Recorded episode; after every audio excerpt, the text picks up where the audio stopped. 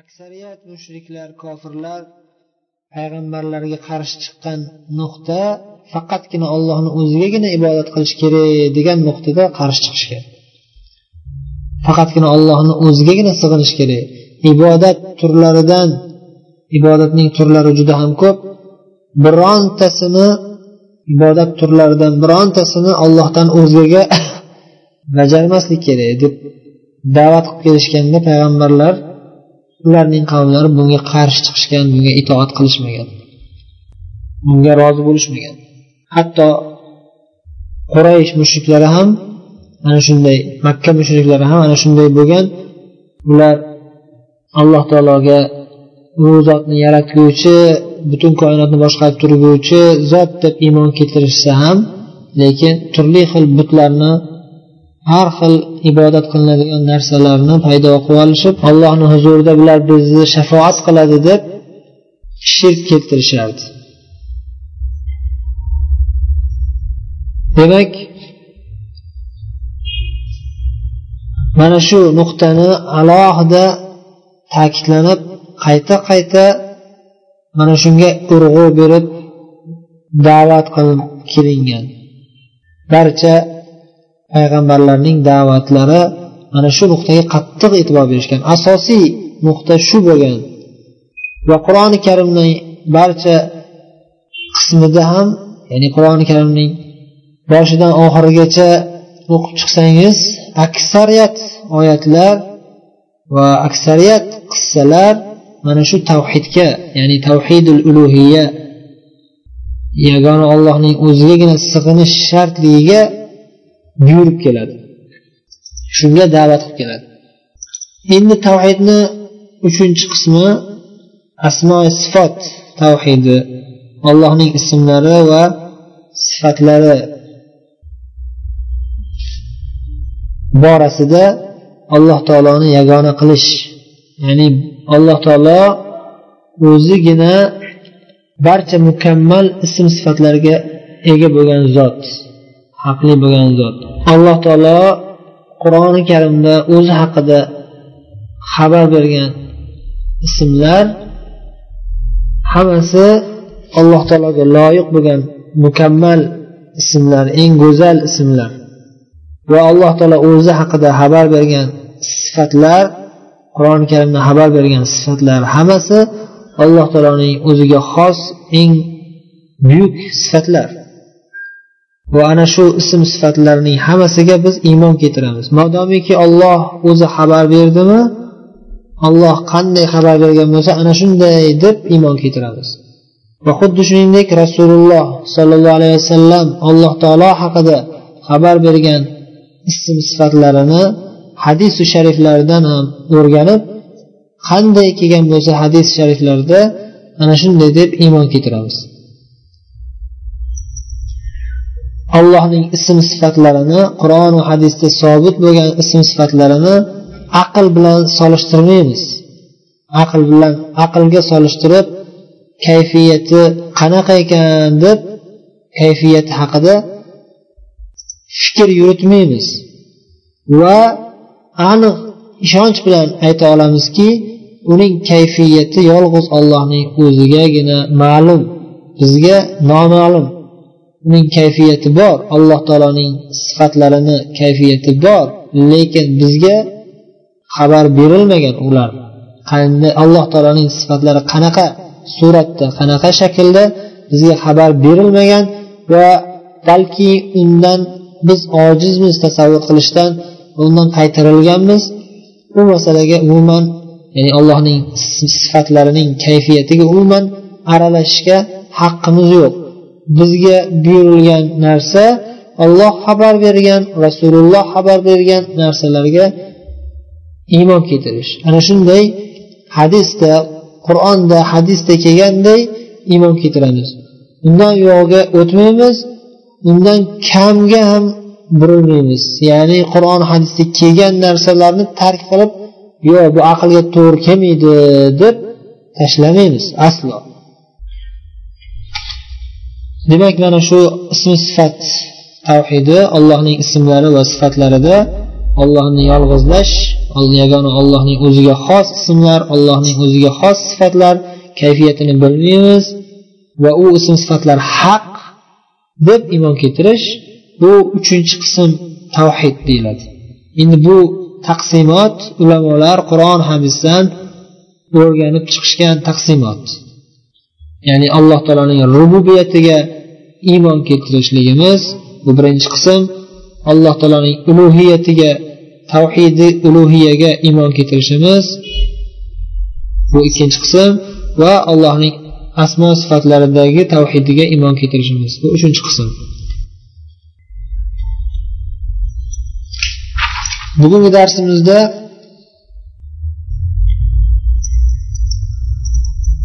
yana alloh taoloning ism sifatlaridan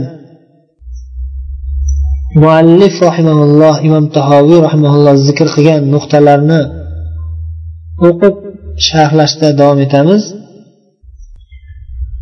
Imom tahoviy rahimaulloh aytyaptilar alloh taoloni sifatlarini xabar berib qodimun bilabtida daimun bilantiha la yafna va la yabid alloh taolo qadimun bilabtida qadim qadimiy bo'lgan zotdir azaldan bo'lgan zotdir bilabtida boshlanishi yo'q bo'lgan ma'lum bir davrda boshlangan emas balki azal azaldan beri mavjud bo'lgan zot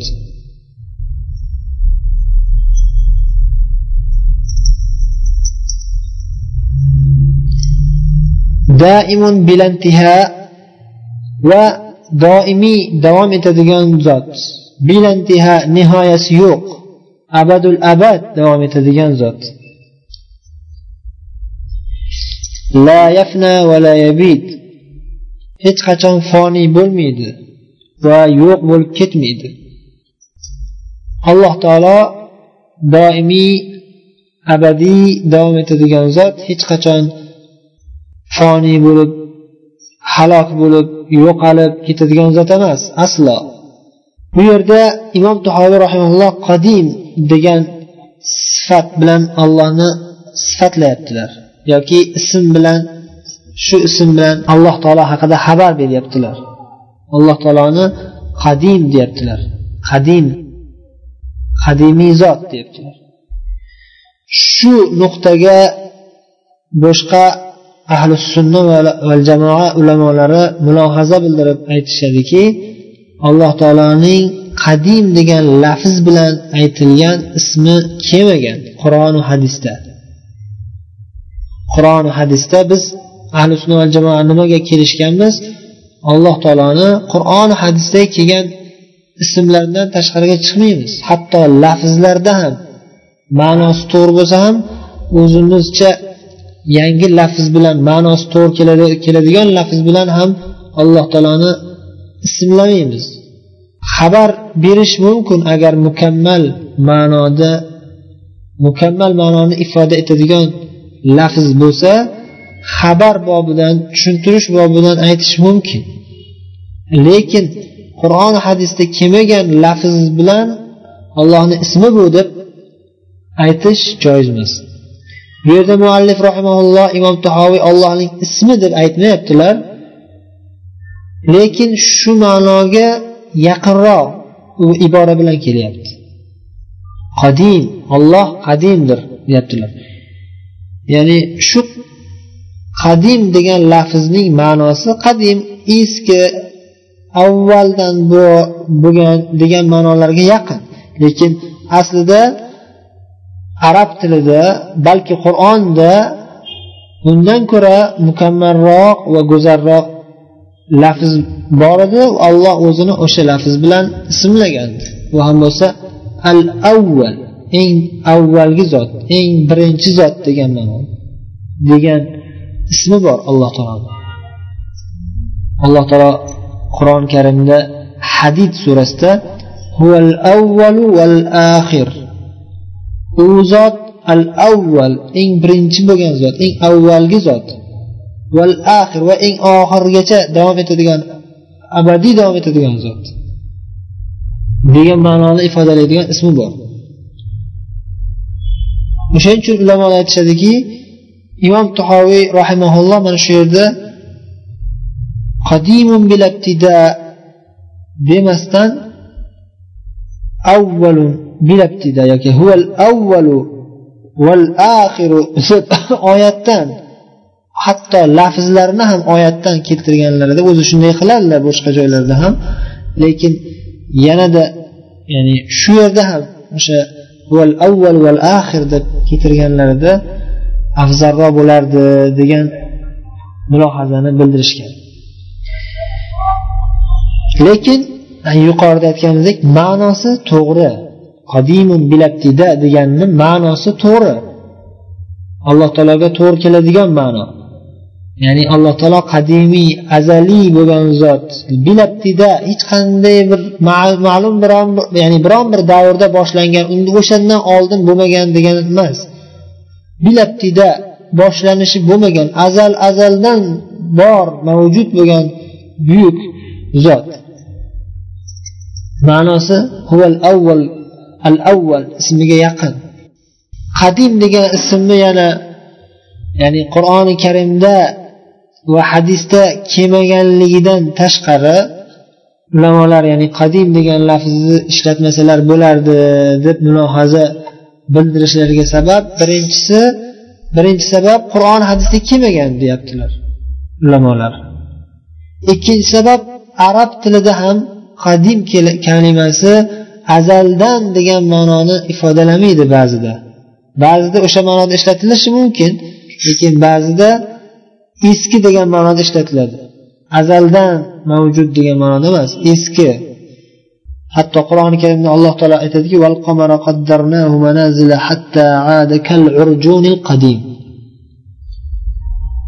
oyni alloh taolo qanday yaratganligini xabar berib aytganda oy osmondagi oy. Shunday tartibga qo'yildiki manazil o'zining manzilalarida aylanib yuradigan qilib qo'ydik. Shunday qilib taqdir qilib qo'ydik oyning yo'nalishini belgilab qo'ydik.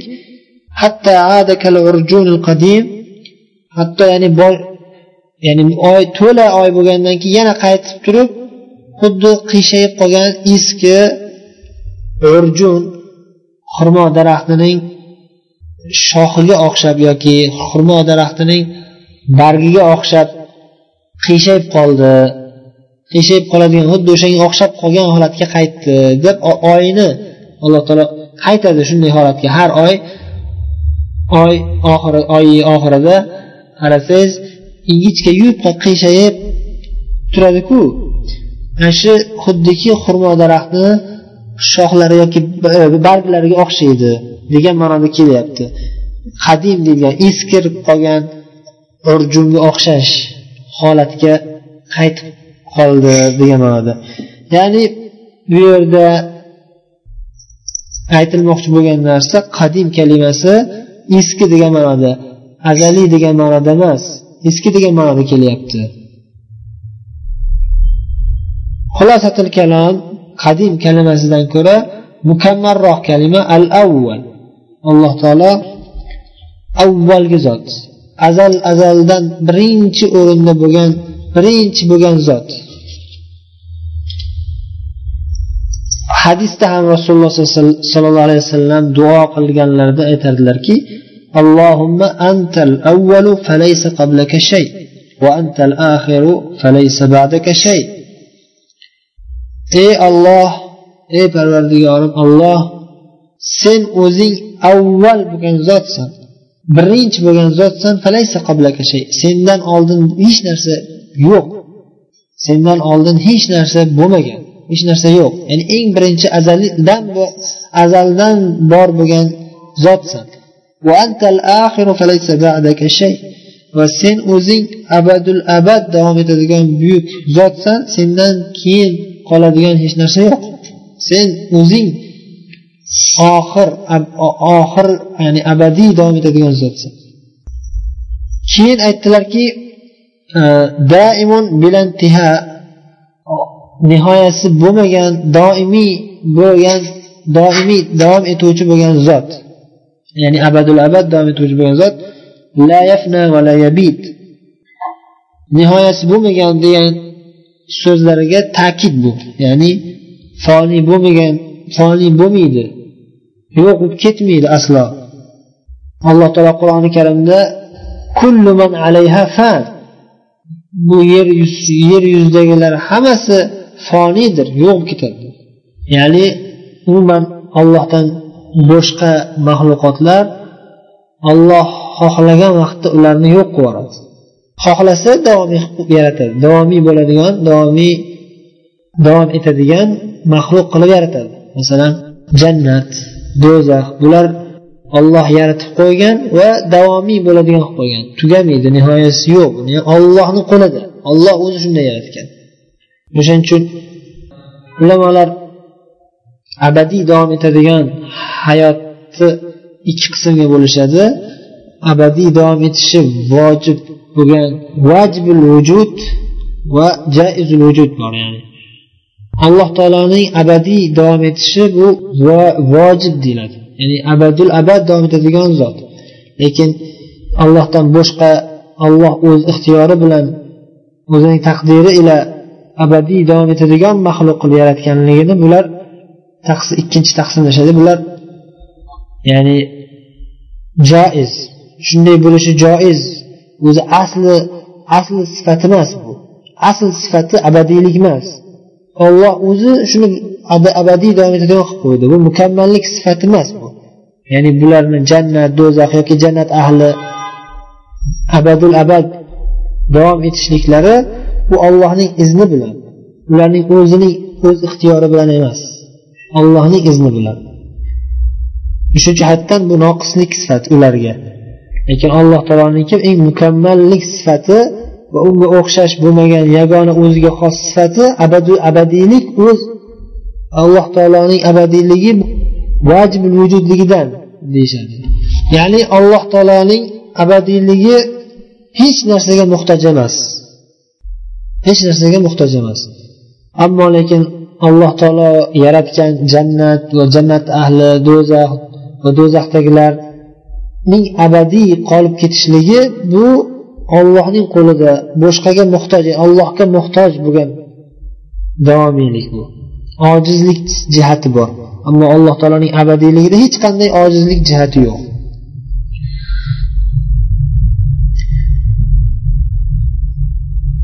Keyingi nuqtada vala yakunu illa ma yurid vala yakunu illa ma yurid dedilar. Bu ham alloh taoloning sifatlaridan biri iroda xohishi. Alloh taoloning xohishi hamma narsadan ustun turadi. Alloh taoloning xohishi irodasisiz hech narsa bo'lmaydi. Barcha koinotdagi bo'ladigan voqealar va bo'ladi yaratiladigan narsalar hammasi faqat va faqat allohning irodasi bilan voqea